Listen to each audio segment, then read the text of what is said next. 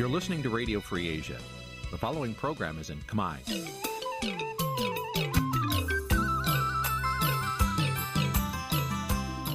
នេះជាកម្មវិធីផ្សាយ Vuthu Azizi Serai នេះជាកម្មវិធីផ្សាយរបស់ Vuthu Azizi Serai ជាភាសាខ្មែរ Vuthu Azizi Serai សូមស្វាគមន៍លោកអ្នកនាងទាំងអស់ពីរដ្ឋធានី Washington នៃសហរដ្ឋអាមេរិក។ បាទផ្សាយផ្ទាល់ពីរដ្ឋធានី Washington ខ្ញុំបាទជួនចាត់វត្តសូមជម្រាបសួរលោកអ្នកនាងកញ្ញានិងប្រិយមិត្តទាំងអស់ជាទីមេត្រីយើងខ្ញុំសូមជូនកម្មវិធីផ្សាយសម្រាប់រាត្រីថ្ងៃអង្គារ700ខែកដិកឆ្នាំខាលចត្វាស័កពុទ្ធសករាជ2566ត្រូវនៅថ្ងៃទី15ខែវិច្ឆិកាគ្រិស្តសករាជ2022បាទជាដំបូងនេះសូមអញ្ជើញលោកអ្នកនាងស្ដាប់ព័ត៌មានប្រចាំថ្ងៃដែលមានមេត្តាដូចតទៅ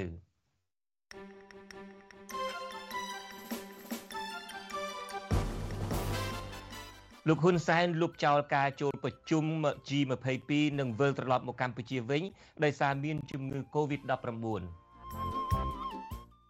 ក្រមយុវជនខ្មែរថាវរៈបន្តទៀមទារដ្ឋាភិបាលដោះលែងកញ្ញាសេងធីរីអ្នកច្បាប់រំលឹកពីការបំពានច្បាប់ពេលដែលតុលាការកំពូលរំលាយគណៈបកសង្គ្រោះជាតិកាលពី5ឆ្នាំមុន។ វេទិកាអ្នកស្ដាប់វិទ្យុអាស៊ីសេរីនារីត្រីនេះយើងនឹងពិភាក្សាគ្នាថាតើកម្ពុជាទទួលបានជ័យជំនះឬបរាជ័យយ៉ាងណាខ្លះក្នុងការដឹកនាំកិច្ចប្រជុំអាស៊ានរួមនឹងព័ត៌មានថ្មីថ្មីមួយចំនួនទៀតបាទជាបន្តទៅទៀតនេះខ្ញុំបាទជួនច័ន្ទបុតស៊ូមជូនព័ត៌មានទាំងនេះពិស្ដាបាទលោកនាងកញ្ញាជាទីមេត្រីលោកនាយករដ្ឋមន្ត្រីហ៊ុនសែន បានវិលត្រឡប់មកដល់កម្ពុជាវិញហើយក្រោយគ្រូពេទ្យឥណ្ឌូនេស៊ីរកឃើញថាលោកវិជ្ជមានឬឆ្លងជំងឺ Covid-19 នៅមុនកិច្ចប្រជុំ G20 នៅកោះបាលីនៃប្រទេសឥណ្ឌូនេស៊ីឆ្លៀតឱកាសនេះអ្នកជំនាញអំពាវនាវដល់ពលរដ្ឋខ្មែរកុំឲ្យភ្លេចខ្លួន និងឲ្យរក្សាគោលការណ៍សុខាភិបាលដើម្បីជៀសផុតពីជំងឺ Covid-19 នេះបាទលោកទីនសាការីយ៉ាមានសេចក្តីរាយការណ៍អំពីរឿងនេះពីរដ្ឋធានី Washington លោកនាយរដ្ឋមន្ត្រីហ៊ុនសែនសម្រេចដឹកនាំមន្ត្រីរដ្ឋាភិបាលត្រឡប់មកកម្ពុជាវិញដល់ប្រកុលទូនទីតំណាងអាស៊ានទៅប្រទេសឥណ្ឌូនេស៊ីដើម្បីជជែកការងារបន្តដោយសារគ្រូពេទ្យឥណ្ឌូនេស៊ីបញ្ជាក់លទ្ធផលថាលោកវិជ្ជមានកូវីដ -19 លោកសានបញ្ជាក់ថាលោកមិនបានដឹងថាមេរោគកូវីដ -19 ឆ្លងចូលក្នុងខ្លួនលោកចាប់តាំងពីពេលណាមកទេពីព្រោះមុនពេលលោកចាកចេញពីកម្ពុជា បានធ្វើតេស្តរាល់ថ្ងៃជាពិសេសមុនពេលចេញដំណើរទៅប្រទេសឥណ្ឌូនេស៊ី បានធ្វើតែរហ័សហើយអវិជ្ជមានជំងឺ Covid-19 និងមិនមានអាការៈអ្វីចម្លែកនោះឡើយទោះជាយ៉ាងណាលោកហ៊ុនសែនអះអាងថាលោកនៅបន្តធ្វើការធម្មតាលើកឡើងតែជួបភ្ញៀវប្រធានអង្គភិបនៃនាំពាក្យរដ្ឋាភិបាលលោកផៃស៊ីផានប្រាប់វិទ្យុអសិរ័យថារហូតមកទល់ពេលនេះទោះបីជាលោកនាយករដ្ឋមន្ត្រីហ៊ុនសែនឆ្លងជំងឺ Covid-19 ក្តីតែស្ថានភាពសុខភាពនៅល្អហើយកម្លាំងនៅតែរឹងមាំធម្មតាលោកបញ្ជាក់ថាតាមនីតិវិធីបើសិនជាបញ្ហាជំងឺ Covid-19 នាំឲ្យរដ្ឋមន្ត្រីមិនអាចបំពេញភារកិច្ចរបស់រដ្ឋាភិបាលបាននោះគឺលោកសខេងនឹងបន្តបំពេញតួនាទីជានាយករដ្ឋមន្ត្រីស្ដីទីដដែលកម្លាំងពលិយផលសម្ដេចនៅ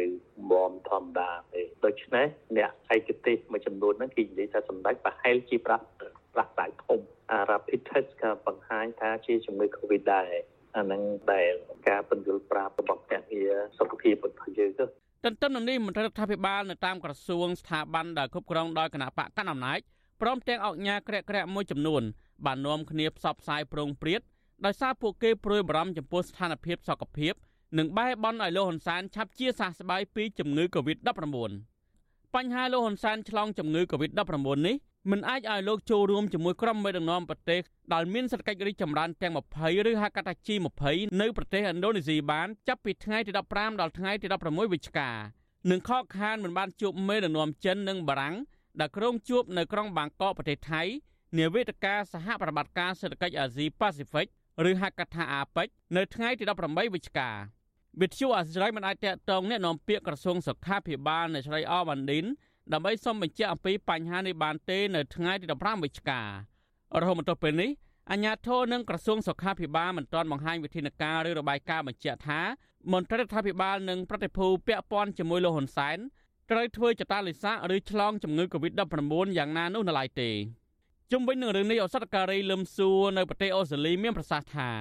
អ្នកជំនាញវិទ្យាសាស្ត្រនិងអង្គការសុខភាពពិភពលោកលើកឡើងថាជំងឺ Covid-19 នៅតែជាក្តីបារម្ភរដ្ឋនិងបង្កគ្រោះថ្នាក់ដល់ប្រជាពលរដ្ឋនៅលើពិភពលោកដដែលជាពិសេសក្រុមមនុស្សដែលមានវ័យចំណាស់អាយុចាប់ពី60ឆ្នាំឡើងទៅនិងមានជំងឺរ៉ាំរ៉ៃប្រចាំកាយជាដើមដោយសារប្រព័ន្ធការពារចុះខ្សោយ អ្នកជំនាញសុខាភិបាលរំនេះណែនាំឲ្យប្រជាពលរដ្ឋខ្មែរត្រូវបន្តពាក្យម៉ាស់លាងសម្អាតដៃនិងគោរពឲ្យបានខ្ជាប់ខ្ជួនតាមគោលការណ៍របស់ក្រសួងសុខាភិបាលដើម្បីជៀសផុតពីជំងឺ Covid-19 នេះ COVID ហ្នឹងគឺថាវាមិនដែលភ្លេចយើងទេណាហើយយើងត្រូវតែកុំភ្លេចវាអសោះព្រោះវានឹងនៅរស់ជាមួយយើងរហូតណាបើថាយើងខ្សោយយើងអីទេបើយើងយល់ឃើញថាយើងទៅកន្លែងទីប្រជុំជនទេអាចនឹងឆ្លងពីគេងាយទេយើងពាក់ mask ទៅគឺនៅសំខាន់ដដែលទំនៀមទម្លាប់ដែលយើងមុនមុនពេលដែល COVID ចាប់ដើមលាតត្បាតយើងមុនល្មមគួរទៅតែប្រកាន់ភ្ជាប់ជានិច្ចព្រោះ COVID មិនដែលភ្លេចយើងហើយ COVID វាចេះកម្លាយខ្លួនវាឆ្លាតជាងយើងវាកែខ្លួនយើងលឿនណា កន្លងទៅលោកហ៊ុនសែនធ្លាប់ប្រាប់បរដ្ឋខ្មែរកុំឲ្យខ្លាចជំងឺ Covid-19 និងមិនចាំបាច់ពាក់ម៉ាស់អ្វីនោះទេប៉ុន្តែក្រោយមក លោកបានផ្ញើសាររំលឹកដល់បរដ្ឋជារឿយៗឲ្យគោរពតាមគោលការណ៍ណែនាំរបស់ក្រសួងសុខាភិបាលវិញបន្ទាប់ពីជំងឺ Covid-19 បានឆ្លងរាលដាលខ្លាំងចូលទៅក្នុងសហគមន៍និងបាត់គប់ទីក្រុងភ្នំពេញនិងតាមបណ្ដាខេត្តមួយចំនួនទៀតលន់សែនក៏បានសម្រេចបើកប្រទេសគ្រប់វិស័យឡើងវិញ កាលពីខែវិច្ឆិកាឆ្នាំ2021 ក្រោយការចាក់វ៉ាក់សាំងបង្ការជំងឺ Covid-19 ដើម្បីឲ្យប្រវត្តិសម្របខ្លួននិងរៀនរស់នៅកន្លងថ្មីជាមួយជំងឺ Covid-19 កាលពីចុងខែមេសាឆ្នាំ2022លោកហ៊ុនសែនបានសម្រេចលើកលែងបំរាមពាក្យម៉ាស់នៅទីសាធារណៈដើម្បីសន្សំប្រាក់កាសដល់ប្រជាពលរដ្ឋស្របពេលរបាយការណ៍របស់ក្រសួងសុខាភិបាលថាការឆ្លងរាលដាលជំងឺ Covid-19 បានធ្លាក់ចុះជាកំហុកនោះ គិតត្រឹមព្រឹកថ្ងៃទី15វិច្ឆិកាកម្ពុជាមានអ្នកឆ្លងជំងឺ Covid-19 សរុបជាង136,000នាក់ក្នុងនោះអ្នកជាសះស្បើយមានជាង134,000នាក់និងអ្នកស្លាប់មានជាង3000នាក់ក្រសួងសុខាភិបាលប្រកាសថាគិតត្រឹមថ្ងៃទី14វិច្ឆិការដ្ឋាភិបាលចាក់វ៉ាក់សាំងជូនពលរដ្ឋគ្រប់ដូសបានជាង14លាន5សែននាក់ក្នុងចំណោមពលរដ្ឋដែលត្រូវចាក់វ៉ាក់សាំងប្រមាណជា15លាននាក់ដែលរាប់ចាប់ពីកុមារអាយុចាប់ពី5ឆ្នាំរហូតដល់មនុស្សចាស់ពេញវ័យ ខ្ញុំធីនសាការីយ៉ាអស៊ីសេរីប្រធានីវ៉ាស៊ីនតោន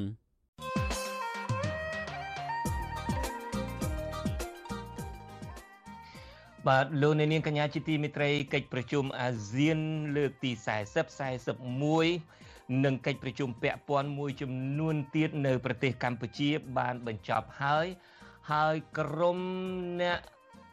លើក សរសើរពីលោកនាយករដ្ឋមន្ត្រីហ៊ុនសែនក៏នាំគ្នាលើកសរសើរអំពីស្នាដៃកិច្ចប្រជុំរបស់លោកនាយករដ្ឋមន្ត្រីហ៊ុនសែននេះបន្ទាប់មកទៀតលោកនាយករដ្ឋមន្ត្រីហ៊ុនសែនក៏ចេញទៅប្រជុំមួយទៀតនៅឯកោះបាលីប្រទេសឥណ្ឌូនេស៊ីក៏ប៉ុន្តែលោកត្រូវត្រឡប់មកកម្ពុជាវិញដែលហេតុថាគ្រូពេទ្យនៃប្រទេសឥណ្ឌូនេស៊ីរកឃើញថាលោកមានជំងឺ Covid-19 ហើយអ្នកដែលចាំអបអសាទរលោកក៏មិនទុកឱកាសនេះឲ្យកន្លងផុតឡើយគេនាំគ្នាលើកសរសើរពីសមត្ថភាពលោកនាយករដ្ឋមន្ត្រីហ៊ុនសែនផងគេនាំគ្នាព្រួយបារម្ភអំពីសុខភាពរបស់លោកផង បាទនៅក្នុងនីតិវិទ្យាអ្នកស្ដាប់វិទ្យុអាស៊ីសេរីនេះរាត្រីនេះយើងនឹងមានមេបកប្រឆាំងវិញម្ដង គឺលោកសំរងស៊ីតើលោកសំរងស៊ីនឹងលើកសរសើរអំពីជ័យជំនះនៃលោកនាយករដ្ឋមន្ត្រីហ៊ុនសែនក្នុងការដឹកនាំកិច្ចប្រជុំអាស៊ានពីពេលថ្មីថ្មីនេះដែរទេហើយតើលោកសំរងស៊ីនឹងមានទស្សនៈបែបណាដែរចំពោះការធ្វើជាប្រធានអាស៊ានបដូវវេនរយៈពេល1ឆ្នាំរបស់លោកហ៊ុនសែននេះហើយតើលោកសំរងស៊ីនឹងមានពាក្យអីជូនពរចំពោះបញ្ហាសុខភាពលោកហ៊ុនសែនដែលកំពុងតែកើតជំងឺ Covid-19 នេះដែរយ៉ាងណា បាទយើងនឹងមានកិច្ចពិភាក្សាអំពីរឿងនេះដូចខ្ញុំបាទបានជម្រាបមានវាគ្មិនកិត្តិយសចូលរួមគឺប្រធានគណៈបក ឆាំងប្រធានស្ដីទីនៃគណៈបកប្រឆាំងគឺលោកសំរងស៊ីរួមនឹងអ្នកវិភាគនយោបាយម្នាក់ផងចូលរួមមកធ្វើជាវាគ្មិនកិត្តិយសនៅក្នុងនីតិវេទិកាអ្នកស្ដាប់របស់អាស៊ីសេរីដែលនឹងចាប់ផ្ដើមនាពេលបន្តិចទៀតនេះ ឥឡូវនេះយើងងាកមកព័ត៌មានប្រចាំថ្ងៃវិញម្ដងក្រមយុវជនខ្មែរថាវរៈនៅតែបន្តទៀមទារដ្ឋាភិបាលកម្ពុជា ដោះលែងកញ្ញាសេងធីរីចេញពីពន្ធនាគារខេត្តព្រះវិហារទោះបីជាយុទ្ធនាការបង្អត់អាហាររយៈពេល7ថ្ងៃបានបញ្ចប់ទៅហើយក្តីពួកគាត់ថាការប្រងើយកន្តើយរបស់រដ្ឋាភិបាលចំពោះសំណើនេះជាការបង្ហាញពីភាពគ្មានការទទួលខុសត្រូវនិងមិនឆ្លើយតបទៅនឹងសំណើរបស់សហរដ្ឋអាមេរិក។ មន្ត្រីសង្គមស៊ីវិលទទូចរដ្ឋាភិបាលគោរពទៅតាមសន្ធិសញ្ញាអន្តរជាតិស្តីអំពីសិទ្ធិមនុស្សនិងការស្នើសុំរបស់ប្រទេសប្រជាធិបតេយ្យដើម្បីជៀសវាងធ្វើឲ្យខូចប្រយោជន៍រួមដល់កម្ពុជា បាទលោកយ៉ងច័ន្ទរាមានសេចក្តីរាយការណ៍អំពីរឿងនេះពីរដ្ឋធានី Washington ក្រមយុវជនខ្មែរថាវរៈដែលកំពុងសម្រាប់ព្យាបាលខ្លួនបន្ទាប់ពីបញ្ចប់យុទ្ធនាការបង្អត់អាហាររយៈពេល7ថ្ងៃនោះ នៅតែបន្តស្នើឲ្យរដ្ឋាភិបាលផ្ដល់យុត្តិធម៌និងសិទ្ធិសេរីភាពដោយដោះលែងកញ្ញាសេងធីរីនិងអ្នកទោសមនសិការផ្សេងទៀតចេញពីពន្ធនាគារសមាជិកក្រុមយុវជនខ្មែរថាវរៈអ្នកនាងឈឿនដារាវីប្រាប់វិទ្យុអាស៊ីសេរីនៅថ្ងៃទី15វិច្ឆិកាថាបើទោះបីជាពេលនេះក្រុមយុវជនបានធ្លាក់ខ្លួនឈឺដោយសារតែការអត់អាហារនិងកំពុងសម្រាប់ព្យាបាលយ៉ាងណាក្តីក៏ពួកគាត់មិនបោះបង់ការស្នើសុំឲ្យដោះលែងកញ្ញាសេងធីរីនេះឡើយ អ្នកនាងបន្ថែមថារដ្ឋាភិបាលកម្ពុជាគួរតែដោះលែងកញ្ញាសេងធីរីឲ្យមានសេរីភាពវិញទៅតាមការស្នើសុំរបស់ក្រមយុវជនគណៈប្រធានាធិបតីសហរដ្ឋអាមេរិកលោកโจ Biden ក៏បានលើកយកបញ្ហានេះស្នើទៅលោកនាយករដ្ឋមន្ត្រីហ៊ុនសែននៅក្នុងជំនួបនាពេលថ្មីៗនេះផងដែរ។ ហើយអ្វីដែលពួកយើងដែលធ្វើនេះគឺពួកយើងចង់បានតែយុទ្ធធរចង់បានតែភាពត្រឹមត្រូវសម្រាប់ជនស្លូតត្រង់មិនចង់ឃើញភាពអយុត្តិធម៌បន្តកើតលើអ្នកស្នេហាជាតិដតីណាផ្សេងទៀតអ្វីដែលចង់បានបំផុតនោះគឺរដ្ឋាភិបាលស្ដាប់និងផ្ដល់សិទ្ធិដល់ប្រជាពលរដ្ឋក្នុងការសម្ដែងមតិក្រមយុវជនខ្មែរថាវរៈ បានចាប់ផ្ដើមយុទ្ធនាការបង្អត់អាហារកាលពីថ្ងៃទី7ដល់ថ្ងៃទី13ខែវិច្ឆិកាដើម្បីទាមទារឲ្យអាជ្ញាធរដោះលែងមេធាវីអន្តរជាតិនិងជាសកម្មជនសិទ្ធិមនុស្សកញ្ញាសេងធីរីនិងអ្នកទោសមនសិការដទៃទៀតដែលកំពុងជាប់ឃុំនៅក្នុងសំណុំរឿងនយោបាយយុទ្ធនាការនេះបានបណ្ដាលឲ្យសមាជិកយុវជនខ្មែរថាវរៈ2នាក់គឺកញ្ញាឆែមស្រីគៀហៅខ្លឹមសានិងលោកស្វាយសំណាងធ្លាក់ខ្លួនឈឺមានបញ្ហាក្រពះធ្ងន់ធ្ងរ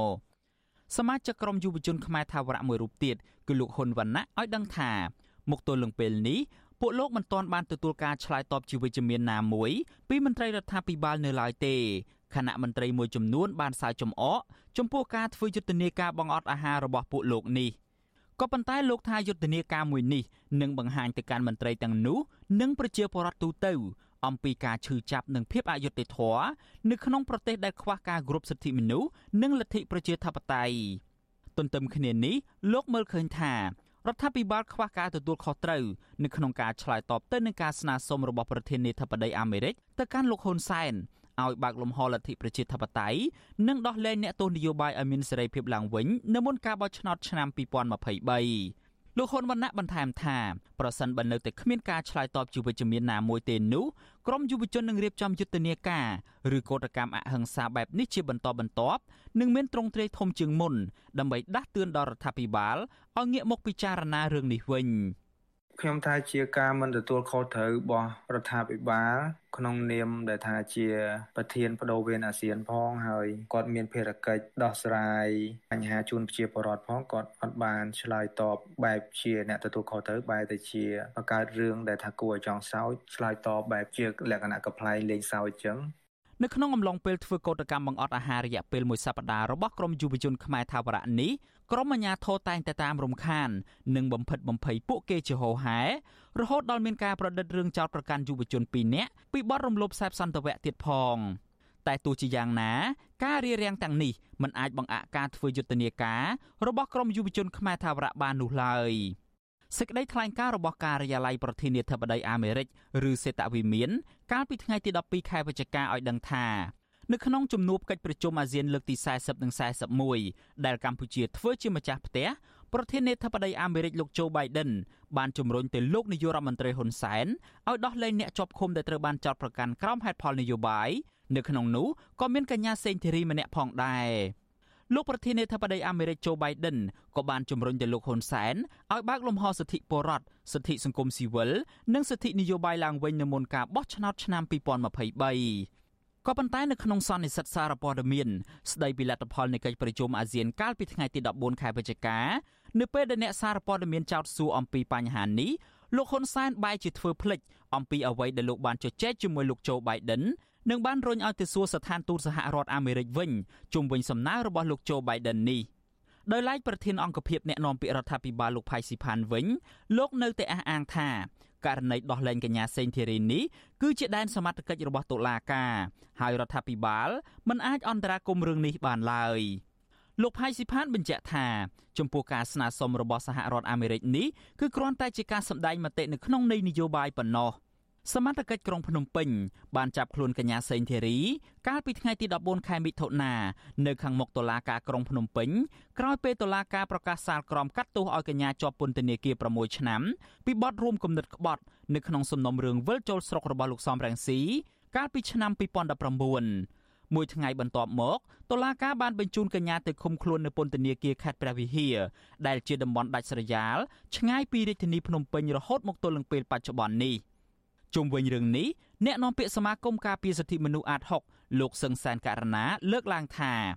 ការឆ្លើយតបរបស់លោកហ៊ុនសែនគឺជាការបង្ហាញថាលោកហាក់មិនទទួលយកការលើកឡើងរបស់សហរដ្ឋអាមេរិកឡើយលោកបន្តថាក្នុងនាមប្រទេសប្រកាន់យកលទ្ធិប្រជាធិបតេយ្យនិងផ្ដល់សេចក្ដីបានទៅលើកតិកាសញ្ញាអន្តរជាតិផ្សេងផ្សេងស្ដីពីការគោរពសិទ្ធិមនុស្សកម្ពុជាគួរតែដោះស្រាយបញ្ហាតានតឹងនៅក្នុងប្រទេស ដោយបើកលំហលទ្ធិប្រជាធិបតេយ្យនិងដោះលែងអ្នកទោសនយោបាយដែលកំពុងជាប់ឃុំលោកសឹងសានករណាស្នើឲ្យរដ្ឋាភិបាលពិចារណាលើសំណើរបស់លោកโจ Biden ដើម្បីបន្ធូរបន្ថយភាពតានតឹងផ្នែកនយោបាយនិងជាការរក្សាផលប្រយោជន៍រួមរបស់ជាតិជៀសវាងមានការដាក់ទណ្ឌកម្មណាមួយពីប្រទេសប្រជាធិបតេយ្យលើសកលលោក ការដែលមិនគិតគូរនឹងរកដំណោះស្រាយបែបនេះជាការបង្ហាញធ្វើឲ្យមានភាពព្រួយបារម្ភចំពោះស្ថានភាពនយោបាយទៅដល់សកម្មជននយោបាយនានាដែលពួកគេកំពុងតែមានការព្រួយបារម្ភមានការភ័យខ្លាចអំពីការចូលរួមក្នុងផ្នែកនយោបាយ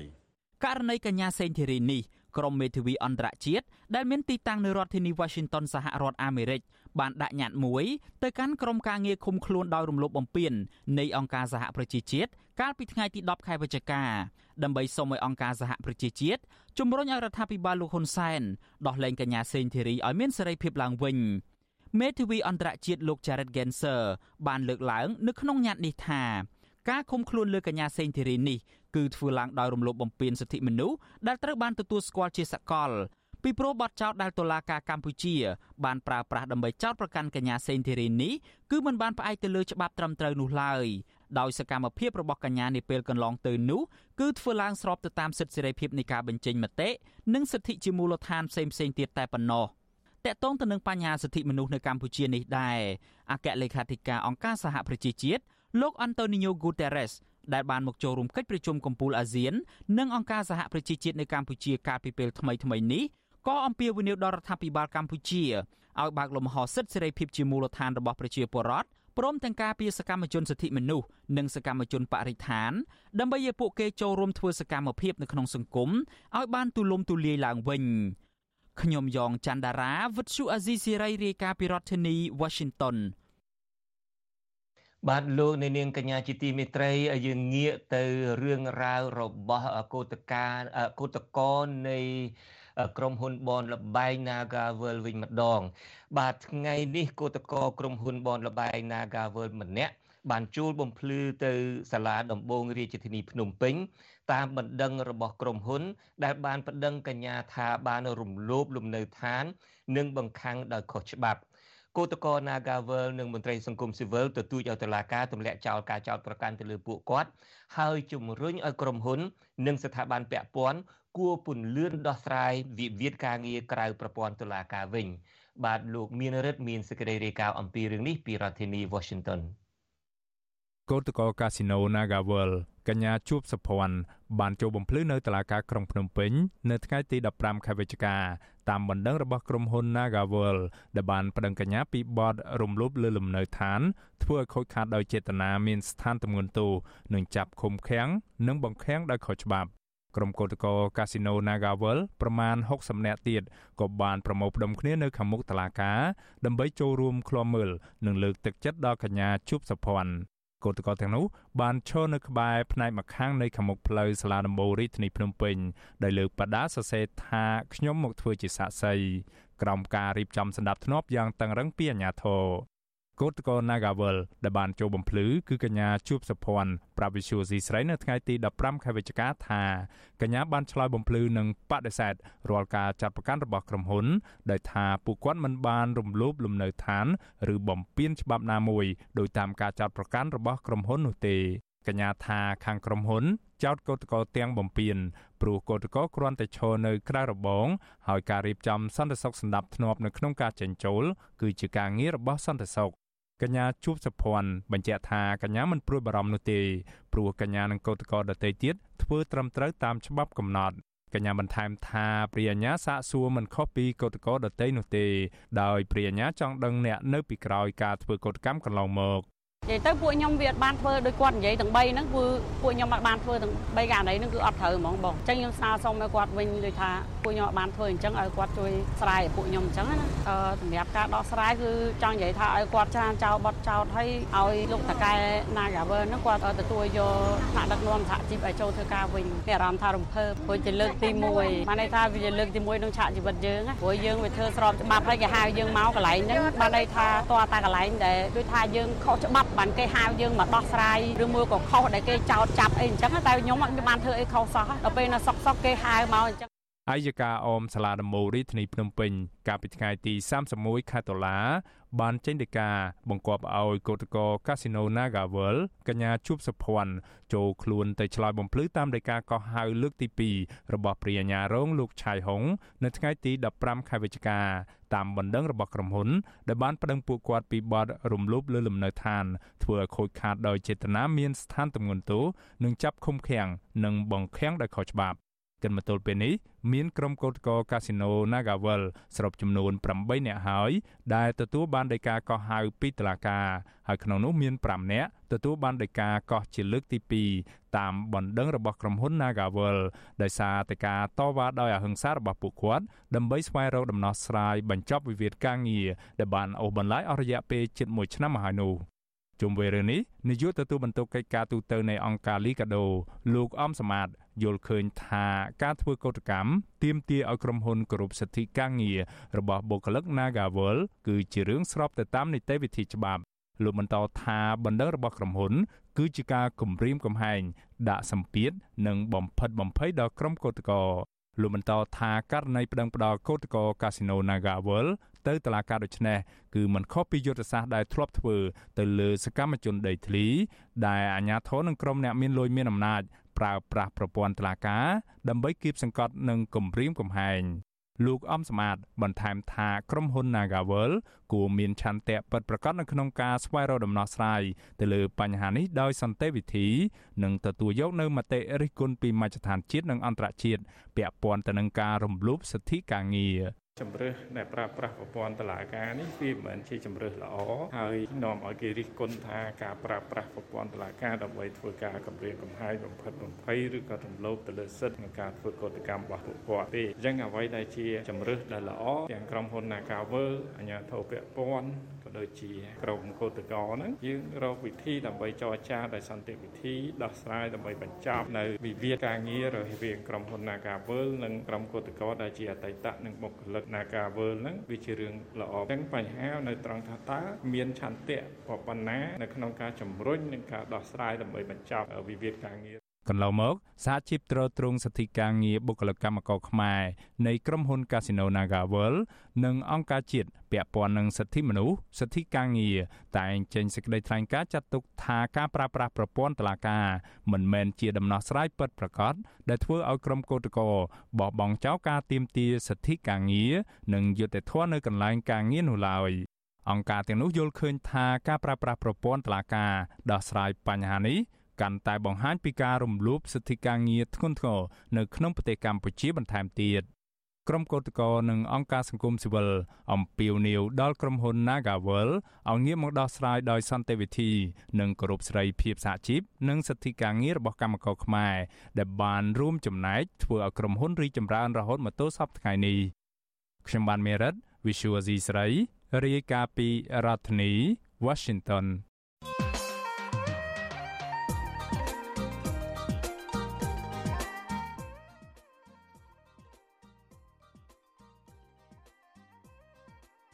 គុំអាស៊ានបានបញ្ចប់ទៅហើយហើយក្រុមរបស់លោកហ៊ុនសែនក៏មិនភ្លេចឆក់ឱកាសនេះដើម្បីលើកសរសើរពីសមិទ្ធផល អ្វីដែលគេហៅថាជាសមិទ្ធផលជាជោគជ័យដ៏ធំធេងរបស់លោកហ៊ុនសែនឬមួយរបស់ប្រទេសកម្ពុជាក្នុងការរៀបចំកិច្ចប្រជុំដែលមានការចូលរួមពីសំណាក់មេដឹកនាំនៃបណ្ដាប្រទេសអាស៊ានផង ពីបណ្ដាប្រទេសមហាអំណាចធំធំលើពិភពលោកផង មានប្រទេស សហរដ្ឋអាមេរិកមានប្រទេសចិនអីជាដើមនោះផងក៏ប៉ុន្តែតើតើគណៈបកប្រឆាំងជាពិសេសមេដឹកនាំស្ដីទីនៃគណៈបកប្រឆាំងលោកសំរងស៊ីមានទស្សនៈបែបណាដែរជុំវិញការរៀបចំកិច្ចប្រជុំនេះហើយជុំវិញសមិទ្ធផលមួយឆ្នាំក្នុងនីតិជាប្រធានបដូវវេនរបស់អាស៊ាននេះរបស់លោកនាយករដ្ឋមន្ត្រីហ៊ុនសែនបាទបន្តិចទៀតនេះលោកនាងនឹងបានទស្សនានឹងចូលរួមហើយនឹងស្ដាប់នីតិវិទ្យាអ្នកស្ដាប់វិទ្យុអាស៊ីសេរីដែលមានការចូលរួមដោយផ្ទាល់ពីលោកសំរងស៊ីពីប្រទេសបារាំងហើយនឹងពីអ្នកវិភាគនយោបាយម្នាក់ពីប្រទេសអូស្ត្រាលីគឺលោកបណ្ឌិតសេងសេរីបាទសូមអញ្ជើញលោកអ្នកនាងរងចាំតាមដានស្ដាប់នឹងទស្សនានីតិវិទ្យាអ្នកស្ដាប់វិទ្យុអាស៊ីសេរីដែលនឹងចាប់ផ្ដើមនាពេលបន្តិចទៀតនេះ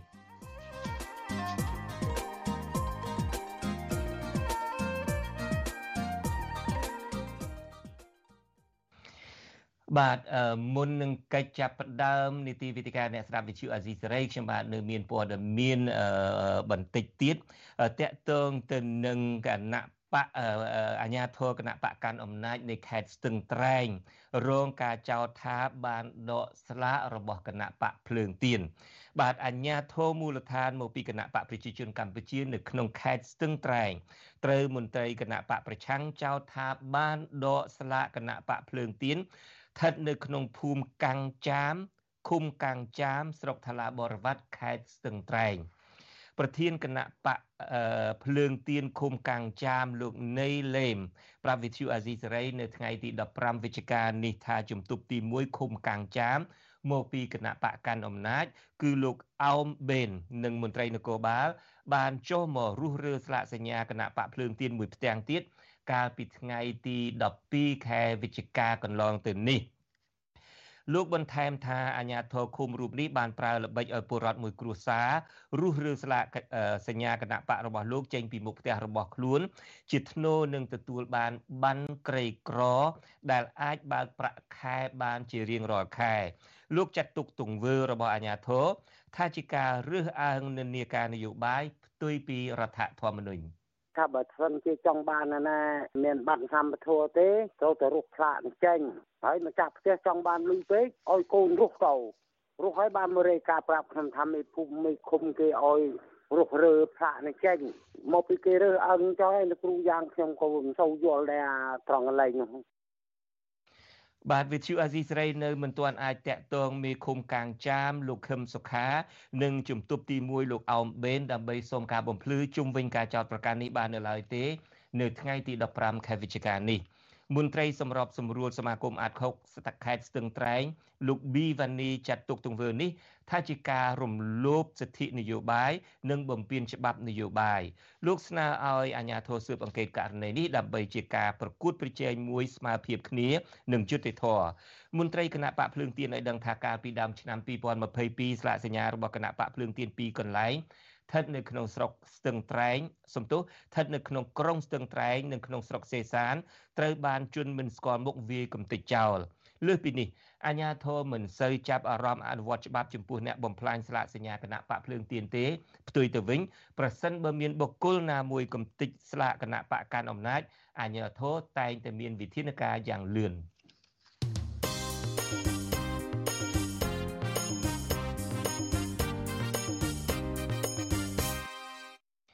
បាទលោកនាងកញ្ញាជាទីមេត្រីលោកនាយករដ្ឋមន្ត្រីហ៊ុនសែនដែលបានអញ្ជើញទៅ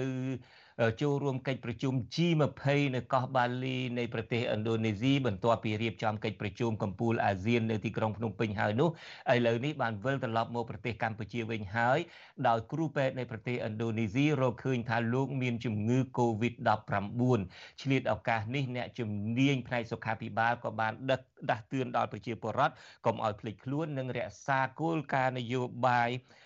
ដើម្បីជៀសផុតពីជំងឺ Covid-19 នេះបាទលោកទីនសាការីយ៉ាមានសេចក្តីរាយការណ៍អំពីរឿងនេះពីរដ្ឋធានី Washington លោកនាយរដ្ឋមន្ត្រីហ៊ុនសែនសម្រាប់ដឹកនាំមន្ត្រីរដ្ឋាភិបាលត្រឡប់មកកម្ពុជាវិញដល់ប្រកុលទូនទីតំណាងអាស៊ានទៅប្រទេសឥណ្ឌូនេស៊ីដើម្បីជជែកការងារបន្តដោយសារគ្រូពេទ្យឥណ្ឌូនេស៊ីបញ្ជាក់លទ្ធផលថាលោកវិជ្ជមាន COVID-19 លោកសាន់បញ្ជាក់ថាលោកមិនបានដឹងថាមេរោគ COVID-19 ឆ្លងចូលក្នុងខ្លួនលោកចាប់តាំងពីពេលណាមកទេពីព្រោះមុនពេលលោកចាកចេញពីកម្ពុជា បានធ្វើតេស្តរាល់ថ្ងៃជាពិសេសមុនពេលចេញដំណើរទៅប្រទេសឥណ្ឌូនេស៊ីបានធ្វើតេស្តរហ័សហើយអវិជ្ជមានជំងឺ Covid-19 និងមិនមានអាការៈអ្វីចម្លែកនោះឡើយទោះជាយ៉ាងណាលោកហ៊ុនសែនអះអាងថាលោកនៅបន្តធ្វើការធម្មតាលើកលែងតែជួបភ្ញៀវ ប្រធានអង្គភិបអ្នកនាំពាក្យរដ្ឋាភិបាលលោកផៃស៊ីផានប្រាប់វិទ្យុអសិរ័យថារហូតមកទល់ពេលនេះទោះបីជាលោកនាយរដ្ឋមន្ត្រីហ៊ុនសែនឆ្លងជំងឺ Covid-19 ក្តីតែស្ថានភាពសុខភាពនៅល្អហើយកម្លាំងនៅតែរឹងមាំធម្មតាលោកបញ្ជាក់ថាតាមនីតិវិធីបើសិនជាបញ្ហាជំងឺ Covid-19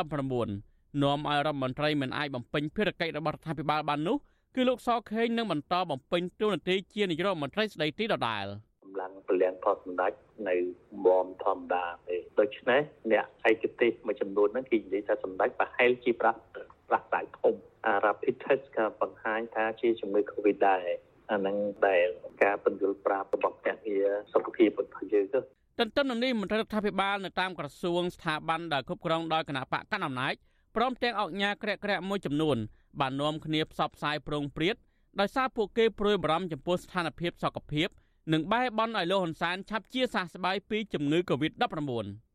បញ្ហាលោកហ៊ុនសែនឆ្លងជំងឺ Covid-19 នេះមិនអាចឲ្យលោកចូលរួមជាមួយក្រុមមេដឹកនាំប្រទេសដែលមានសេដ្ឋកិច្ចរីកចម្រើនទាំង20ឬហៅកាត់ថា G20 នៅប្រទេសឥណ្ឌូនេស៊ីបានចាប់ពីថ្ងៃទី15ដល់ថ្ងៃទី16វិច្ឆិកានិងខកខានមិនបានជួបមេដឹកនាំចិននិងបារាំងដែលក្រុងជួបនៅក្រុងបាងកកប្រទេសថៃនាវេទិកាសហប្រតិបត្តិការសេដ្ឋកិច្ចអាស៊ីប៉ាស៊ីហ្វិកឬហៅកាត់ថាអាប៉ិចនៅថ្ងៃទី18វិច្ឆិកា វិទ្យុអាស៊ីរ៉ៃមិនអាចតកតងអ្នកនាំពាក្យក្រសួងសុខាភិបាលនៃស្រីអវ៉ាន់ឌិនដើម្បីសុំបញ្ជាក់អំពីបញ្ហានេះបានទេនៅថ្ងៃទី15វិច្ឆិការហូតមកទល់ពេលនេះអាជ្ញាធរនិងក្រសួងសុខាភិបាលមិនទាន់បង្ហាញវិធានការឬរបាយការណ៍បញ្ជាក់ថាមន្ត្រីរដ្ឋាភិបាលនិងប្រតិភូពាក់ព័ន្ធជាមួយលោកហ៊ុនសែនត្រូវធ្វើចតាលិស័កឬឆ្លងជំងឺ Covid-19 យ៉ាងណានោះនៅឡើយទេជុំវិញនឹងរឿងនេះអសតការីលឹមសួរនៅប្រទេសអូស្ត្រាលីមានប្រសាសន៍ថា អ្នកជំនាញវិទ្យាសាស្ត្រនិងអង្គការសុខភាពពិភពលោកលើកឡើងថាជំងឺ Covid-19 នៅតែជាក្តីបារម្ភរដ្ឋនិងបង្កគ្រោះថ្នាក់ដល់ប្រជាពលរដ្ឋនៅលើពិភពលោកដដែល ជាពិសេសក្រុមមនុស្សដែលមានវ័យចំណាស់អាយុចាប់ពី60ឆ្នាំឡើងទៅនិងមានជំងឺរ៉ាំរ៉ៃប្រចាំកាយជាដើមដោយសារប្រព័ន្ធការពារចុះខ្សោយអ្នកជំនាញសុខាភិបាលរូបនេះណែនាំឲ្យប្រជាពលរដ្ឋខ្មែរត្រូវបន្តពាក្យម៉ាស់លាងសម្អាតដៃនិងគោរពឲ្យបានខ្ជាប់ខ្ជួនតាមគោលការណ៍របស់ក្រសួងសុខាភិបាល ដើម្បីជៀសផុតពីជំងឺ Covid-19 នេះ COVID ហ្នឹងគឺថាវាមិនដែលភ្លេចយើងទេណាហើយយើងត្រូវតែកុំភ្លេចវាសោះព្រោះវានឹងនៅរស់ជាមួយយើងរហូតណាបើថាយើងខ្សោយយើងអីទេបើយើងយល់ឃើញថាយើងទៅកន្លែងទីប្រជុំជនទេអាចនឹងឆ្លងពីគេងាយទេយើងពាក់ mask ទៅគឺនៅសំខាន់ដដែលទំនៀមទម្លាប់ដែលយើងមុនមុនពេលដែល COVID ចាប់ដើមលាតត្បាតយើងមុនល្មមគួរទៅតែប្រកាន់ភ្ជាប់ជានិច្ចព្រោះ COVID មិនដែលភ្លេចយើងហើយ COVID វាចេះកម្លាយខ្លួនវាឆ្លាតជាងយើងវាកែខ្លួនយើងលឿនណាកន្លងទៅលោកហ៊ុនសែនធ្លាប់ប្រាប់បរដ្ឋខ្មែរកុំឲ្យខ្លាចជំងឺ Covid-19 និងមិនចាំបាច់ពាក់ម៉ាស់អ្វីនោះទេប៉ុន្តែក្រោយមកលោកបានផ្ញើសាររំលឹកដល់បរដ្ឋជារឿយៗឲ្យគោរពតាមគោលការណ៍ណែនាំរបស់ក្រសួងសុខាភិបាលវិញបន្ទាប់ពីជំងឺ Covid-19 បានឆ្លងរាលដាលខ្លាំងចូលទៅក្នុងសហគមន៍និងបាត់គប់ទីក្រុងភ្នំពេញនិងតាមបណ្ដាខេត្តមួយចំនួនទៀត លន់សែនក៏បានសម្រេចបើកប្រទេសគ្រប់វិស័យឡើងវិញ កាលពីខែវិច្ឆិកាឆ្នាំ2021ក្រោយការចាក់វ៉ាក់សាំងបង្ការជំងឺ Covid-19 ដើម្បីឲ្យប្រវត្តិសម្របខ្លួននិងរៀនរស់នៅកន្លងថ្មីជាមួយជំងឺ Covid-19 កាលពីចុងខែមេសាឆ្នាំ2022លោកហ៊ុនសែនបានសម្រេចលើកលែងបំរាមពាក្យម៉ាស់នៅទីសាធារណៈដើម្បីសន្សំប្រាក់កាសដល់ប្រជាពលរដ្ឋស្របពេលរបាយការណ៍របស់ក្រសួងសុខាភិបាលថា ការឆ្លងរាលដាលជំងឺ Covid-19 បានធ្លាក់ចុះជាកំហុសនោះគិតត្រឹមព្រឹកថ្ងៃទី15វិច្ឆិកាកម្ពុជាមានអ្នកឆ្លងជំងឺ Covid-19 សរុបជាង136,000នាក់ក្នុងនោះអ្នកជាសះស្បើយមានជាង134,000នាក់និងអ្នកស្លាប់មានជាង3,000នាក់ក្រសួងសុខាភិបាលប្រកាសថាគិតត្រឹមថ្ងៃទី14វិច្ឆិការដ្ឋាភិបាលចាក់វ៉ាក់សាំងជូនពលរដ្ឋគ្រប់ដូសបានជាង14លាន5សែននាក់ក្នុងចំណោមពលរដ្ឋដែលត្រូវចាក់វ៉ាក់សាំងប្រមាណជា15លាននាក់ ដែលរាប់ចាប់ពីកុមារអាយុចាប់ពី5ឆ្នាំរហូតដល់មនុស្សចាស់ពេញវ័យ។ខ្ញុំធីនសាការីយ៉ាអស៊ីសេរីប្រធានីវ៉ាស៊ីនតោនដែលបានស្ដាប់ព័ត៌មានប្រចាំថ្ងៃដែលជម្រាបជូននៅខ្ញុំបាទជួនច័ន្ទបតពីរដ្ឋធានី Washington បាទសូមអញ្ជើញលោកអ្នកនាងរងចាំស្ដាប់នីតិវិទ្យាអ្នកស្ដាប់វិទ្យុអាស៊ីសេរីដែលនឹងចាប់ផ្ដើមនាពេលបន្តិចទៀតនេះ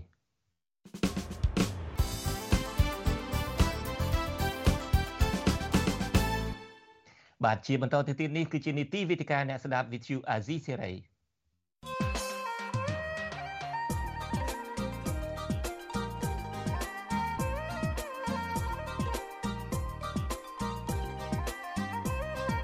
វេទិកាអ្នកស្ដាប់ Vuthu Azizi Serai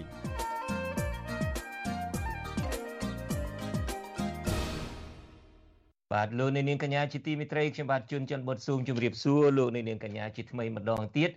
នារីត្រីនេះខ្ញុំបាទនឹងសម្របសម្រួលនីតិវេទិកាអ្នកស្ដាប់វិទ្យុអាស៊ីសេរីដោយមានវាគ្មិនកិត្តិយសចូលរួមពីររូប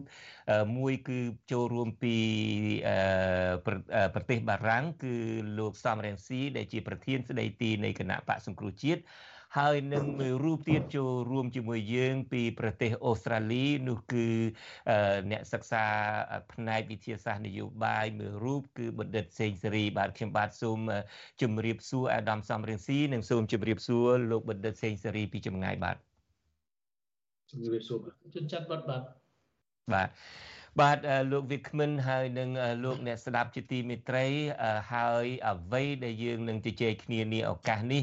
យើងនឹងពិនិត្យមើលថាតើក្រោយពីលោកនាយករដ្ឋមន្ត្រីហ៊ុនសែន បានឡើងកាន់តំណែងជាប្រធានបដូវវេនរបស់អាស៊ានជាលើកចុងក្រោយអាចជាលើកចុងក្រោយពីព្រោះ10ឆ្នាំទើបនឹងអាចនឹងបានឡើងធ្វើជាប្រធានបដូវវេនម្ដងទៀតហើយលោកនាយករដ្ឋមន្ត្រីហ៊ុនសែនមនុស្សម្នាតែងគិតថាប្រហែលជាប្រមាណឆ្នាំខាងមុខនេះលោកនឹងផ្ទេរតំណែងទៅឲ្យកូនប្រុសរបស់លោកហើយដូច្នេះគេអាចនិយាយបានថាការកាន់តំណែងជាប្រធានបដូវវេនរបស់លោកហ៊ុនសែននាពេលនេះគឺប្រហែលជាអាចជា ការកាន់តំណែងចុងក្រោយហើយបាទតើក្នុងរយៈពេលជាប្រធានបដូវវេនរបស់អាស៊ានមួយឆ្នាំនេះលោកនាយករដ្ឋមន្ត្រីហ៊ុនសែនសម្រេចបាន ការងារអីខ្លះដែលរាប់ថាជាជោគជ័យហើយតើអាចនឹងមានអ្វីខ្លះដែលលោកហ៊ុនសែនមិនអាចសម្រេចបាន ដែលចាត់ទុកថាជាបរាជ័យរបស់លោកនេះនេះគឺសម្រាប់ ក្នុងនាមជាក្នុងនាមជាប្រធានបដូវវេនក៏ប៉ុន្តែចំពោះបុគ្គលផ្ទាល់ទៅវិញយើងក៏នឹងពិភាក្សាគ្នាតើថាតើលោកហ៊ុនសែនវិញជាបុគ្គលផ្ទាល់ខ្លួនវិញជា មុខមាត់របស់លោកវិញលោកបានចំណេញអ្វីខ្លះបាទនេះគឺជាប្រធានបទនៃកិច្ចពិភាក្សារបស់យើងនាឱកាសនេះហើយយើងទាំងអស់គ្នាក៏បានឃើញហើយអ្នកដែលតាមដានព័ត៌មានបន្ទាប់ពីលោកនាយករដ្ឋមន្ត្រីហ៊ុនសែនបញ្ចប់ការរៀបចំកិច្ចប្រជុំកំពូលអាស៊ានហើយនិងកិច្ចប្រជុំពាក់ព័ន្ធមួយចំនួនទៀតនោះក្រុមរបស់លោកហ៊ុនសែននឹងក៏មិនភ្លេចឆក់ឱកាសក្នុងការសរសេរលិខិតអបអរសាទរលើកសរសើរអំពីស្នាដៃដែលគេនាំគ្នាហៅថាជាជោគជ័យសម្រាប់ប្រទេសកម្ពុជាអីជាដើមដូច្នេះយើងក៏អាចនឹងចាប់អារម្មណ៍មែនទែនប្រសិនបើយើងចង់ឮពីលោកសំរងស៊ីដែលជាប្រធានគណៈបកប្រធានស្ដីទីគណៈបកប្រឆាំងវិញលោកសេងសេរីដែលជាអ្នកវិភាគនយោបាយវិញតើលោកមើលឃើញបែបណាដែរជោគជ័យឬក៏បរាជ័យខ្ញុំបាទចង់ចាប់ផ្ដើមពីអ្នកវិភាគនយោបាយមុនចុះគឺលោកបណ្ឌិតសេងសេរីលោកបណ្ឌិតសេងសេរីតើពិនិត្យមើលសមិទ្ធផលពិនិត្យមើលស្នាដៃរបស់លោកនាយករដ្ឋមន្ត្រីហ៊ុនសែនក្នុងនាមជា ប្រធានបដូវវេរបស់អាស៊ានជាលើកចុងក្រោយនេះតើបានជោគជ័យអ្វីខ្លះដែរមើលតែជោគជ័យសិនដំបូងគេបាទសូមអញ្ជើញលោកបណ្ឌិតសេងសេរីបាទ បាទសូមអនុញ្ញាតជម្រាបសួរអៃដាមសំរងស៊ីសូមជម្រាបសួរលោកជុនច័ន្ទបុតហើយនិងបងប្អូនប្រជាពលរដ្ឋដែលកំពុងតែស្ដាប់និងតាមដានវិទ្យុអាស៊ីសេរីបើយើងនិយាយអំពីការប្រជុំអាស៊ានយើងមានយើងសង្កេតឃើញថាមានទាំងជោគជ័យហើយនិងបរាជ័យអឺអ្វីដែលលោកច័ន្ទច័ន្ទបុតលើកឡើងគឺឲ្យខ្ញុំបង្ហាញពីភាពជោគជ័យសិនហើយខ្ញុំសូមបាទជោគជ័យសិនបាទ បាទបាទខ្ញុំសូមបែងចែកភាពជោគជ័យជាពីរកញ្ចប់បាទកញ្ចប់សម្រាប់ភាពជោគជ័យកម្រិតកម្ពុជាហើយនិងភាពជោគជ័យកម្រិតតំបន់ក្នុងនាមជាក្នុងនាមកម្ពុជាជាប្រធានអាស៊ានបើសិនជាយើងមើលក្នុងកម្រិតកម្ពុជាយើងឃើញថាការប្រជុំអាស៊ានលើកនេះរដ្ឋាភិបាលអាចបង្ហាញទៅដល់មេដឹកនាំសំខាន់សំខាន់នៅក្នុងពិភពលោកជាពិសេស វត្តមានរបស់មេដឹកនាំធំធំនៅក្នុងពិភពលោកនេះគឺអាចធ្វើឲ្យគណៈបកប្រជាជនឬរដ្ឋាភិបាលបច្ចុប្បន្នហ្នឹងទាញអំណះអំណាងអំពីធំធំមានរូបនៃរដ្ឋាភិបាលបច្ចុប្បន្នដែលដែលគេតែងតែមើលឃើញថាឬក៏ចោទប្រកាន់ថាជារដ្ឋាភិបាលឯកបកដូច្នេះហើយជាឱកាសដែលកម្ពុជាបង្ហាញពីធម្មនារូបរបស់កម្ពុជា ទៅលើឆាកអន្តរជាតិអានឹងចំណុចជោគជ័យទី1ដែល រដ្ឋាភិបាលធ្វើចំណុចទី2យើងក៏ឃើញដែរថាការប្រជុំលើកនេះបានคล้ายទៅជាមោទនភាពជាពិសេសបណ្ដាសមាជិកសមាជិការបស់រដ្ឋាភិបាលក៏ដូចជាសមាជិកបកគណៈបព្វជិជនអំពីមោទនភាពនៃការរៀបចំដែលត្រូវបានកំណត់ថាជាភាពជោគជ័យដ៏ប្រចាស់ប្រចង់របស់រដ្ឋាភិបាលនៅក្នុងការរៀបចំ កិច្ចប្រជុំកំពូលអាស៊ានអាមេរិកហើយនឹងការប្រជុំកិច្ចប្រជុំកំពូលអាស៊ានជាមួយនឹងអាស៊ីខាងកើតចំណុចជោគជ័យកម្រិតកម្ពុជាមួយទៀតហ្នឹងគឺនិយាយបង្ហាញថាគណៈបព្វជិជនឬក៏រដ្ឋាភិបាលហ្នឹងបានបង្ហាញពីភក្ដីភាពចំពោះព្រះមហាក្សត្រដែលនៅក្នុងកិច្ចប្រជុំនៅក្នុងអំឡុងពេលនៃការប្រជុំអាស៊ាននេះក៏ឃើញមាន ការរៀបចំឲ្យ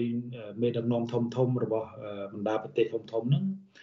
មានសវនាការជាមួយនឹងព្រះមហាក្សត្រនេះគណៈបកកណ្ដាលអំណាចក៏អាចបង្ហាញថាខ្លួនពិតជាមានភាពស្មោះត្រង់ភក្ដីភាពចំពោះរាជានិយមចំណុចចុងក្រោយក៏ខ្ញុំឃើញថាក៏ជាជោគជ័យកម្រិតកម្រិតប្រទេសដែរគឺការបង្ហាញគេហៅ soft power ជាអំណាចទុនតាមរយៈការបង្ហាញនៅសម្លៀកបំពាក់វប្បធម៌ ក៏ដូចជាគេហៅគេហៅថាសម្ភារៈវប្បធម៌ដូចជារូបផ្ការំដួលដូចជាដើមនេះក៏ជាចំណុចរួយមួយដែលយើងរាប់ថាជាចំណុចជោគជ័យកម្រិតកម្ពុជាដោយឡែកកញ្ចប់ទី2ដែលខ្ញុំនឹងបង្ហាញជាការសង្កេតរបស់ខ្ញុំដែរហ្នឹងគឺភាពជោគជ័យក្នុងក្នុងកម្រិតតំបន់ក្នុងនាមជាកម្ពុជាជាប្រធានអាស៊ាន ទី1កិច្ចប្រជុំកម្ពុជាអាស៊ានអាមេរិកកម្ពុជាអាស៊ានអាស៊ីខាងកើតនេះ គឺជាការផ្សារភ្ជាប់នៃមេដឹកនាំរបស់ពិភពលោករបស់ពិភពលោកឡើងវិញក្រោយពីការខកខាននៃការប្រជុំកម្ពុជាបែបនេះហ្នឹងអំឡុងពេល COVID-19 អានេះយើងឃើញថាជាជាព្រឹត្តិការណ៍មួយដែលមានការចាប់អារម្មណ៍ខ្លាំងជាពិសេសក្រោយ COVID-19 ចំណុចទី2ក៏ជាភាពជោគជ័យរបស់អាស៊ានដែរហ្នឹងគឺអាស៊ានត្រូវបាន ប្រទេសមហាអំណាចធំធំជាពិសេសសហរដ្ឋអាមេរិកនោះចាត់ទុកជាបេះដូងយុទ្ធសាស្ត្រតំបន់ Indo-Pacific មានន័យថាអាស៊ានបានคล้ายទៅជាមាត់ទ្វារដ៏សំខាន់នៅក្នុងការបង្ហាញអំពីការប្រទីងបន្ទង់នៃការប្រកួតប្រជែងអំណាចសេដ្ឋកិច្ចអំណាចយោធារបស់មហាអំណាចទាំងពីរបើសិនជាអាស៊ានបើកទ្វារទទួលចិន គឺមានន័យថា មហាអំណាចចិនហ្នឹងគឺមានមានគេហៅថាមានផលប្រយោជន៍ច្រើនហើយបើសិនជាអាស៊ានបើកទ្វារទទួលអាមេរិកគឺមានន័យថាអាមេរិកនឹងមានព្រៀបទៅលើតំបន់ Indo-Pacific ដូច្នេះហើយអំឡុងពេលនេះគឺអាស៊ានបានคล้ายទៅជាតំបន់យុទ្ធសាស្ត្រដែលជាបេះដូងនៃការប្រតិបត្តិអំណាចនៃមហាអំណាចទាំងពីរចំណុចជោគជ័យមួយទៀតដែលអាស៊ានក្នុងកម្រិតអាស៊ានដែរនោះយើងឃើញថា លើកនេះជាចំណុចគួរឲ្យចាប់អារម្មណ៍គឺលោកជូបៃដុនដែលមក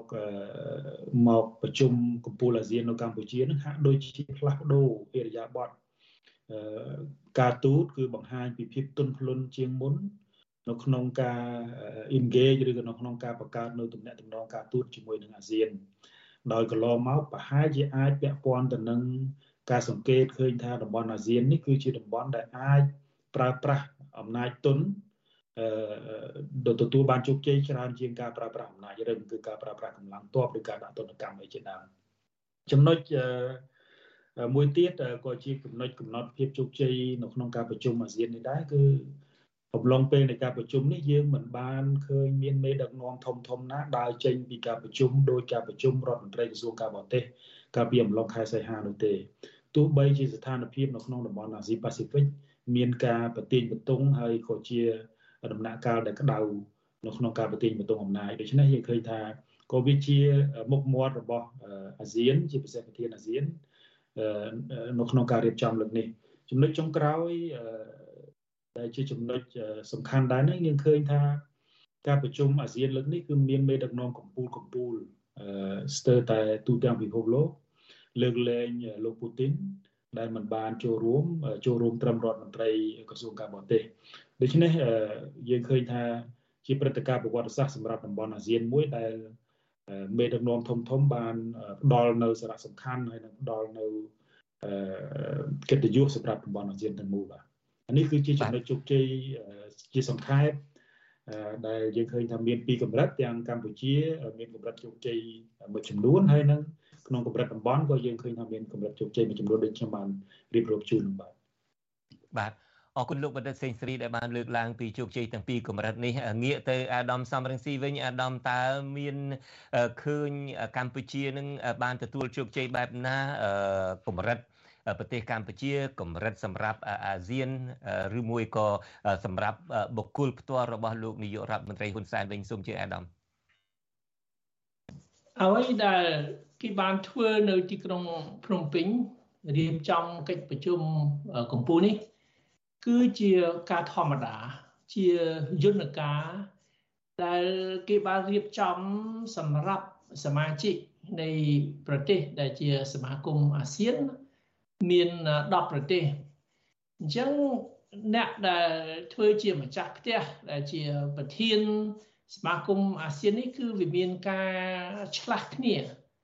ម្នាក់ម្ដងម្នាក់ម្ដងដល់វេនរបស់ខ្លួន អញ្ចឹងវាគ្មានស្អីអស្ចារ្យគឺគេបានកំណត់អញ្ចឹងអត់មានន័យថាគេផ្ដល់តម្លៃឲ្យ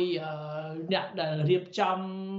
អ្នកដែលដឹកនាំប្រទេសដែលរៀបចំនោះទេគឺអត់មានទេអានឹងជាជាស្វ័យប្រវត្តិជាការរៀបចំតាមយន្តការមួយដែលគេបានកំណត់តាំងពីយូរយារណាស់មកហើយទោះជានរណាដឹកនាំប្រទេស អត់មានសំខាន់ទេគេគេនៅតែធ្វើអញ្ចឹងពីព្រោះនេះជាទម្លាប់របស់គេដែលគេបានកំណត់ថាប្រទេសនីមួយៗនឹងធ្វើជាម្ចាស់ផ្ទះជារៀងរាល់ឆ្នាំ ឆ្នាំក្រោយតទៅចាំ11ឆ្នាំទៀតពីព្រោះអាស៊ានមានសមាជិក10ពេលនេះ តែបន្តិចទៀតនេះនៅមានសមាជិកទី11គឺប្រ៊ុយណៃ អញ្ចឹងវិលម្នាក់ទីមកខាងកើតបាទបាទគឺទីមកខាងកើតបាទទីមកបាទទីមកទីមកខាងកើតអញ្ចឹងតើទៅចាំ11ឆ្នាំទៀតប៉ុន្តែអ្នកណាឡើងមកធ្វើប្រធានមកធ្វើជាម្ចាស់ផ្ទះហ្នឹងគឺមិនមែនអាស្រ័យលើគុណសម្បត្តិឬស្នាដៃរបស់ខ្លួនទេ ហើយចំពោះប្រទេសកម្ពុជា គឺដោយសារថាលោកហ៊ុនសែនគាត់យកឈ្មោះប្រទេសកម្ពុជាយកទៅប្រើតែយើងដឹងហើយគឺលោកហ៊ុនសែនគាត់បានប្លន់អំណាចពីប្រជារាស្ត្រអាដាមអាដាមខ្ញុំបាទសូមកាត់ប្រសាសន៍បន្តិចការពិតនឹងអឺ លោកនាយករដ្ឋមន្ត្រីហ៊ុនសែននឹងក៏បានត្រៀមខ្លួនហើយមានពមៀនទុករួចមកហើយថាអ្នកណាដែលមើលឃើញថាការរៀបចំប្រជុំឬមួយក្នុងតំណែងជាប្រធានបដូវវេនរបស់លោកក្នុងរយៈពេល1ឆ្នាំនេះមិនឃើញមានជោគជ័យអីបែបណាឬរិះគន់បែបណានឹងលោករហូតដល់តែពមៀនថាមិនមែនជាមនុស្សនឹងផងដូច្នេះមុននឹងអាដាមអញ្ជើញមានប្រសាសន៍បន្តទៀតខ្ញុំបាទសូមអញ្ជើញអាដាមហើយនឹងលោកបណ្ឌិតសេងសេរីនិងលោកអ្នកស្ដាប់ស្ដាប់ប្រសាសន៍របស់លោកហ៊ុនសែនដែលមានប្រសាសន៍ត្រង់ចំណុចនេះបន្តិចសិនបាទបញ្ហាតេតុនជាមួយនឹងរឿងក្រមប្រឆាំងខ្ញុំមិនដឹងថាគេនិយាយពីអីផងហើយក៏ខ្ញុំមិនដឹងថាឆ្លើយពីអីទៀតព្រោះដែលហៅថាប្រឆាំងហើយតើកាលណាយើងធ្វើសគេត្រូវតែថាខ្មៅឲ្យតែគេថាខ្មៅឲ្យតែយើងធ្វើខ្មៅគេថាស វារឿងតែប៉ុណ្ណឹងដូចគ្នាខ្ញុំអត់ចាំបាច់ធ្វើការឆ្លើយទេបើគេទទួលយកបានបានអំពីកិត្តិយសជាតិបែបនេះគឺសូមឲ្យគេដាក់ខ្លួនទៅជាអ្នកប្រភេទដតីមិនមែនជាតិខ្មែរទៅចោះ អាដាមអាដាមមានការឆ្លើយតបបែបណាដែរគេថាបើសិនជាគណៈបកប្រឆាំងជាទូទៅបើសិនជាសថាខ្មៅបើខ្មៅថាសហើយបើសិនជាមិនទទួលយកនៅអ្វីដែលលោកនាយករដ្ឋមន្ត្រីហ៊ុនសែនថានេះជាកិត្តិយសជាតិទេមិនបាច់ធ្វើជាខ្មែរតទៅទៀតទេអើយអ្នកណានិយាយនិយាយទៅខ្ញុំមិនចាំបាច់ឆ្លើយទេយើងបន្តពីការធ្វើវិភាគរបស់យើងថាទោះជាណាដឹកនាំប្រទេស ក៏ពេលដល់វេនប្រទេសនោះធ្វើជាម្ចាស់ផ្ទះនៅតែធ្វើជាម្ចាស់ផ្ទះដដែលមិនមែនអាស្រ័យលើគុណសម្បត្តិមិនមែនអាស្រ័យលើស្នាដៃទេអានេះជាទួនាទីដែលគេបកគលឲ្យតាមទម្លាប់របស់គេដូចយើងនិយាយអំបញ្ញមិញឥឡូវនេះតតែ11ឆ្នាំម្ដងបានប្រទេសជាសមាជិកនឹងរៀបចំធ្វើជាម្ចាស់ផ្ទះពីព្រោះសមាគមអាស៊ាន នឹងមានសមាជិករហូតទៅដល់11ប្រទេសហើយប្រទេសចុងក្រោយគឺប្រទេសទីម៉ូខាងកើតសំណួរដែលយើងត្រូវសួរណាសួរថាតើលោកហ៊ុនសែនរដ្ឋអំណាចគាត់មានសិទ្ធិមានលក្ខណៈស្របច្បាប់ទេតើតំណាងឲ្យប្រជាពលរដ្ឋពិតប្រកបទេតំណាងឲ្យប្រទេសកម្ពុជាពិតប្រកបទេបើយើងមើលការបោះឆ្នោតតាំងពីឆ្នាំ1998 មកក្រោយពីលោករលហ៊ុនសែនធ្វើរដ្ឋប្រហារគាត់បានរៀបចំកោជបដាក់សិទ្ធិគ្នាគាត់ដូច្នេះបោះឆ្នោតម្ដងម្ដង គឺជាការបោះឆ្នោតដែលលំអៀងដែលជួយឲ្យលោកហ៊ុនសែនឈ្នះឆ្នោតគណៈបកឈ្នះឆ្នោតទោះជាប្រជាប្រដ្ឋមិនគ្រប់គ្រងក៏លោកហ៊ុនសែននៅតែឈ្នះអញ្ចឹងអញ្ចឹងអ្វីដែលយើងត្រូវកត់សម្គាល់ថា លោកហ៊ុនសែនគាត់របបគាត់នេះមិនមែនជាតំណាងប្រទេសកម្ពុជាទេពីព្រោះមិនដែលមានការបោះឆ្នោតត្រឹមត្រូវផងនៅប្រទេសកម្ពុជាគាត់បានប្លន់អំណាចពីរាជពីរាជខ្មែរតាមរយៈការបោះឆ្នោតคล้ายคล้ายដូច្នេះវាគ្មានមានកិត្តិយសអ្វីទេដែលប្លន់អំណាចពីប្រជារាស្ត្រហើយមកដើរតួនាទីដែលគេត្រូវប្រគល់ឲ្យប្រទេសដែលត្រូវដល់ តួនាទីរបស់ខ្លួនធ្វើជាម្ចាស់ផ្ទះនឹងជាការកត់សម្គាល់ទី1តែបើយើងចូលសាច់រឿងខ្ញុំជឿថាលោកហ៊ុនសែនធ្វើឲ្យប្រទេសកម្ពុជា ខ្មាស់គេវិញទេ ពីព្រោះមានមេដឹកនាំល្ងងខ្លៅអវិជ្ជាចរិតច្រងេងច្រងាងនិយាយប្រេះផ្ដាស់ព្រួយផ្ដើមគំនិតទៅទឹងទឹះដោយគាត់បានទៅ ចាប់ដៃជាមួយថ្នាក់ដឹកនាំប្រជាការនៅភូមិកាលពីដើមឆ្នាំ2022នេះគឺសមាជិកភាគច្រើននៃសមាគមអាស៊ានគេបានជំរុញឲ្យមេដឹកនាំប្រទេសភូមាដែលធ្វើរដ្ឋប្រហារសម្រាប់លទ្ធិប្រជាធិបតេយ្យ ឲ្យមេដឹកនាំភូមានឹងកែខ្លួនឲ្យដោះលែងអ្នកទោសនយោបាយឲ្យជជែកជាមួយគណៈបកប្រឆាំងឲ្យរៀបចំការបោះឆ្នោតត្រឹមត្រូវដូច្នេះគេចេញជាសេចក្តីសម្រេចរបស់គេយ៉ាងច្បាស់លាស់តែលោកហ៊ុនសែនអត់ធ្វើតាមទេគាត់ធ្វើទៅទឹងទឹះគាត់ធ្វើតែម្នាក់គាត់ហើយគេស្ដីបន្ទោសគាត់ច្រើនណាគាត់ទៅប្រទេសភូមាទៅចាប់ដៃជនផ្ដាច់ការភូមាមីងអ៊ុនឡាំង ហើយទៅទទួលស្គាល់ដោយចង់ផ្ដល់សិទ្ធិស្របច្បាប់ឲ្យជនផ្ដាច់ការដែលឲ្យមានសិទ្ធិស្របច្បាប់សោះអញ្ចឹងមានន័យថាជនផ្ដាច់ការដូចគ្នាម្នាក់នៅកម្ពុជាម្នាក់នៅភូមាទៅចាប់ដៃគ្នាខុសពីអ្វីដែលអាស៊ានភាគច្រើនក្នុងសមាជិកអាស៊ានហើយសហគមន៍អន្តរជាតិទាំងមូលគេចង់កាត់កាលគេចង់គេគេចង់កាត់កាលរបបប្រជាការនៅប្រទេសភូមាគេថ្កោលទោសរបបហ្នឹងតែហ៊ុនសែននៅសក់សក់ ស្រាប់តែតែម្នាក់ឯងហ្នឹងគាត់ទៅជួបមេប្រជាការជនប្រជាការនៅភូមាហ្នឹងនេះថាទៅតឹងទឹះហ្នឹងនេះថាខុសឆ្គងហើយគេស្ដីបន្ទោសឲ្យហ៊ុនសែនច្រើនណាថាមិនយល់ពីសភាពការមិនសម្ដែងពីសាមគ្គីភាពជាមួយប្រទេសជាសមាជិកអាស៊ានដទៃទៀតហើយពីសហគមន៍អន្តរជាតិសហភាពអឺរ៉ុបសហសហរដ្ឋអាមេរិកហ្នឹងគឺគេគេអន់ចឹងណាពីព្រោះលោកហ៊ុនសែនធ្វើនេះគាត់យកឈ្មោះ គាត់ទីមួយគាត់លួចឈ្មោះប្រទេសកម្ពុជាគាត់លួចឈ្មោះប្រជារាស្ត្រគាត់ថាគាត់តំណាងឲ្យប្រជារាស្ត្រខ្មែរប្រទេសកម្ពុជា ហើយទីពីរគាត់លួចឈ្មោះអាស៊ានណាដែលគាត់ធ្វើជាប្រធានបណ្ដោះអាសន្នឆ្លាស់លេងគ្នាគាត់យកឈ្មោះអាស៊ានហ្នឹងទៅទៅចាប់ដៃជាមួយជនប្រជាការនៅនៅប្រទេសភូមាដែលគេភាកច្រើនគេចង់កាត់ការគាត់ទៅរាប់អានតែតែម្នាក់គាត់ពីព្រោះជាជនប្រជាការដូចគ្នា គេទៅចាប់ដៃគ្នាជួយជនប្រជាការគេជួយគ្នាទៅវិញទៅមកហ្នឹងដែលខ្ញុំយល់ឃើញថាជាទង្វើខុសឆ្គងទៅទឹងទឹះដែលធ្វើឲ្យយើងជាខ្មែរខ្មាស់គេដោយសារតែលោកហ៊ុនសែននេះបាទបាទអរគុណលោកសំរងស៊ីដែលបានបកស្រាយចំណុចនេះហើយ ការពិតនឹងគឺនៅពេលដែលលោកឡើងកាន់តំណែងជាប្រធានអាស៊ានបដូវវេនដំបូងឡើងមកនេះនឹងដោយអាដាមសំរងស៊ីបានលើកឡើងថាលោកហ៊ុនសែននឹងបានធ្វើបច្ច្រាស់ទិសនឹងគឺលោកក៏បានទទួលងារជាបរិសង្ហាដើរបញ្ច្រាស់ទិសនឹងមែនគឺនៅពេលដែលពិភពលោកនាំគ្នា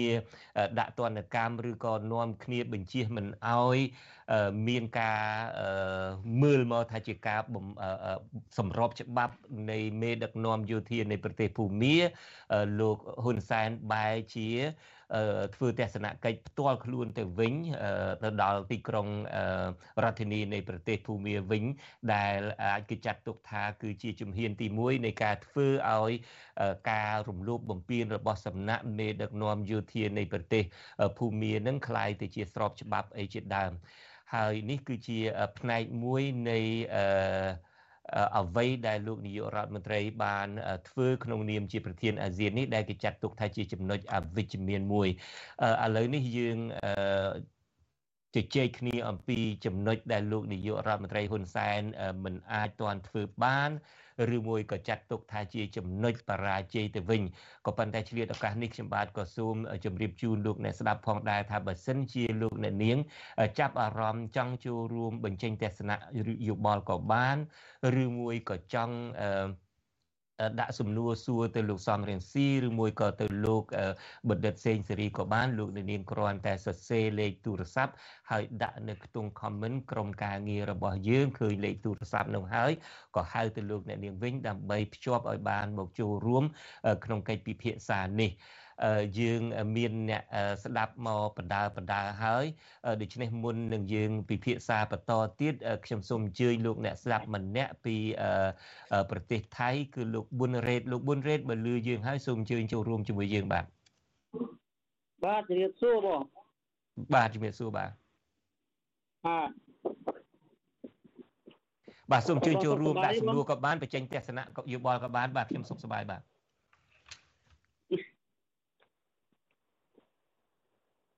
បាទលោកបុត្រេសូមអញ្ជើញបាទបាទខ្ញុំលើឯកឧត្តមសុំរៀងទីគាត់មានប្រសាសន៍មកខ្ញុំក៏សប្បាយចិត្តទីទីអញ្ចឹងណាបាទហើយមួយយ៉ាងទៀតខ្ញុំក៏មានយោបល់ចំណុចណាដែលលោកសំរៀងស៊ីលើកឡើងឲ្យធ្វើឲ្យលោកប៊ុនរ៉េតសប្បាយរីករាយនោះគឺចំណុចត្រង់ថាអឺសម្ដេចតេជោហ៊ុនសែនគាត់បានដឹកនាំ វាជាប្រធានអាស៊ានអញ្ចឹងណាខ្ញុំសប្បាយចិត្តត្រង់នឹងដែលបានសម្ដេចតេជោគាត់ជួយជាប្រធានដឹកនាំអឺដោយវិធានទាំងអស់ហ្នឹងចូលរួមប្រជុំបាទក្នុងនឹងប៉ុន្តែខ្ញុំចង់ទំនោរពោត្រង់នេះមួយទៅដល់បណ្ដាអាស៊ានទាំងអស់គឺសំខាន់បំផុតត្រង់ប្រទេសខ្មែរយើងធ្វើនយោបាយបាទ ព្រោះថាប្រទេសខ្មែរយើងវាមានកិត្តិយសធំណាស់ដែលបានប្រជុំអាស៊ានប៉ុន្តែហើយហើយនឹងរីកចម្រើនថ្ងៃប៉ុន្តែអ្វីមួយដែលខ្ញុំមើលឃើញហើយនឹងស្គាល់ដែលខ្ញុំធ្លាប់ធ្វើជានយោបាយនៅក្នុងប្រទេសគុណពេជ្រមកបាទគឺថាអ្នកនយោបាយទាំងអស់ច្រើនតែតែស្ដៀលគ្នាហើយប្រមាថមើលងាយគ្នា ខ្ញុំមើលឃើញត្រង់ហ្នឹងខ្ញុំថាប្រទេសខ្មែរយើងអត់ទាន់ចប់សង្គ្រាមទេនៅតែបើធ្វើនយោបាយនៅតែស្ដៀលគ្នាប្រមាថគ្នាទៅវិញទៅមកបាទនេះខ្ញុំខ្ញុំគ្រាន់តែនិយាយប៉ុណ្្នឹងព្រោះខ្ញុំជាពលករចំណាក់ស្រុកដែរហើយក៏ជាអ្នកនយោបាយមួយនៅក្នុងស្រុកបវលបាទអ្នកនយោបាយខាងគណៈបកណាដែរបើសិនជាអាចប្រាប់បានអឺខ្ញុំគណៈបកពុនពេជ្របាទបាទ បាទអញ្ចឹងមានការចូលរួមតែប៉ុណ្្នឹងទេផ្ដាំផ្ញើឲ្យអ្នកនយោបាយកុំប្រមាថគ្នាទៅវិញទៅមកតែប៉ុណ្្នឹងទេលោកបុរិទ្ធបុរេតបាទបាទគឺធំបំផុតគឺកុំអោយធ្វើនយោបាយតែដៀលគ្នាប្រមាថមើលងាយគ្នាត្រង់នឹងហើយអឺដែលព្រះសម្មាសម្ពុទ្ធទ្រង់សម្ដែងថាបើបុគ្គលណាមើលងាយបុគ្គលណាប្រមាថមើលប្រមាថបុគ្គលណាបុគ្គលនឹងឯងតែងតែវិន័យបាទបាទ បាទអរគុណលោកប៊ុនរ៉េតបាទខ្ញុំជឿថាអ្នកដែលស្ដាប់ទាំងអស់រួមទាំងអ្នកនយោបាយផងបានឮពីសំណុំពររបស់លោកប៊ុនរ៉េតបាទឆ្លៀតឱកាសនេះខ្ញុំបាទក៏សូមជម្រាបលាលោកអ្នកស្ដាប់ដែលកំពុងតែតាមដានស្ដាប់ការផ្សាយរបស់យើងនៅលើវិទ្យុរលកធាតុអាកាសខ្លីចំណែកលោកអ្នកនាងដែលតាមដានការផ្សាយរបស់យើងលើបណ្ដាញសង្គម Facebook និង YouTube យើងនឹងបន្តកិច្ចពិភាក្សាតទៅទៀតបាទឥឡូវនេះខ្ញុំចង់សួរសំណួរនេះមួយជាក់លាក់ទៅវិញទៅដល់លោកវាគ្មិនទាំងពីរជាពិសេសលោកសំរៀងស៊ីមុនគេ នៅពេលដែលលោកនាយករដ្ឋមន្ត្រីហ៊ុនសែនធ្វើជាប្រធានបដូវវេនអាណត្តិទី2គឺមានន័យថាការ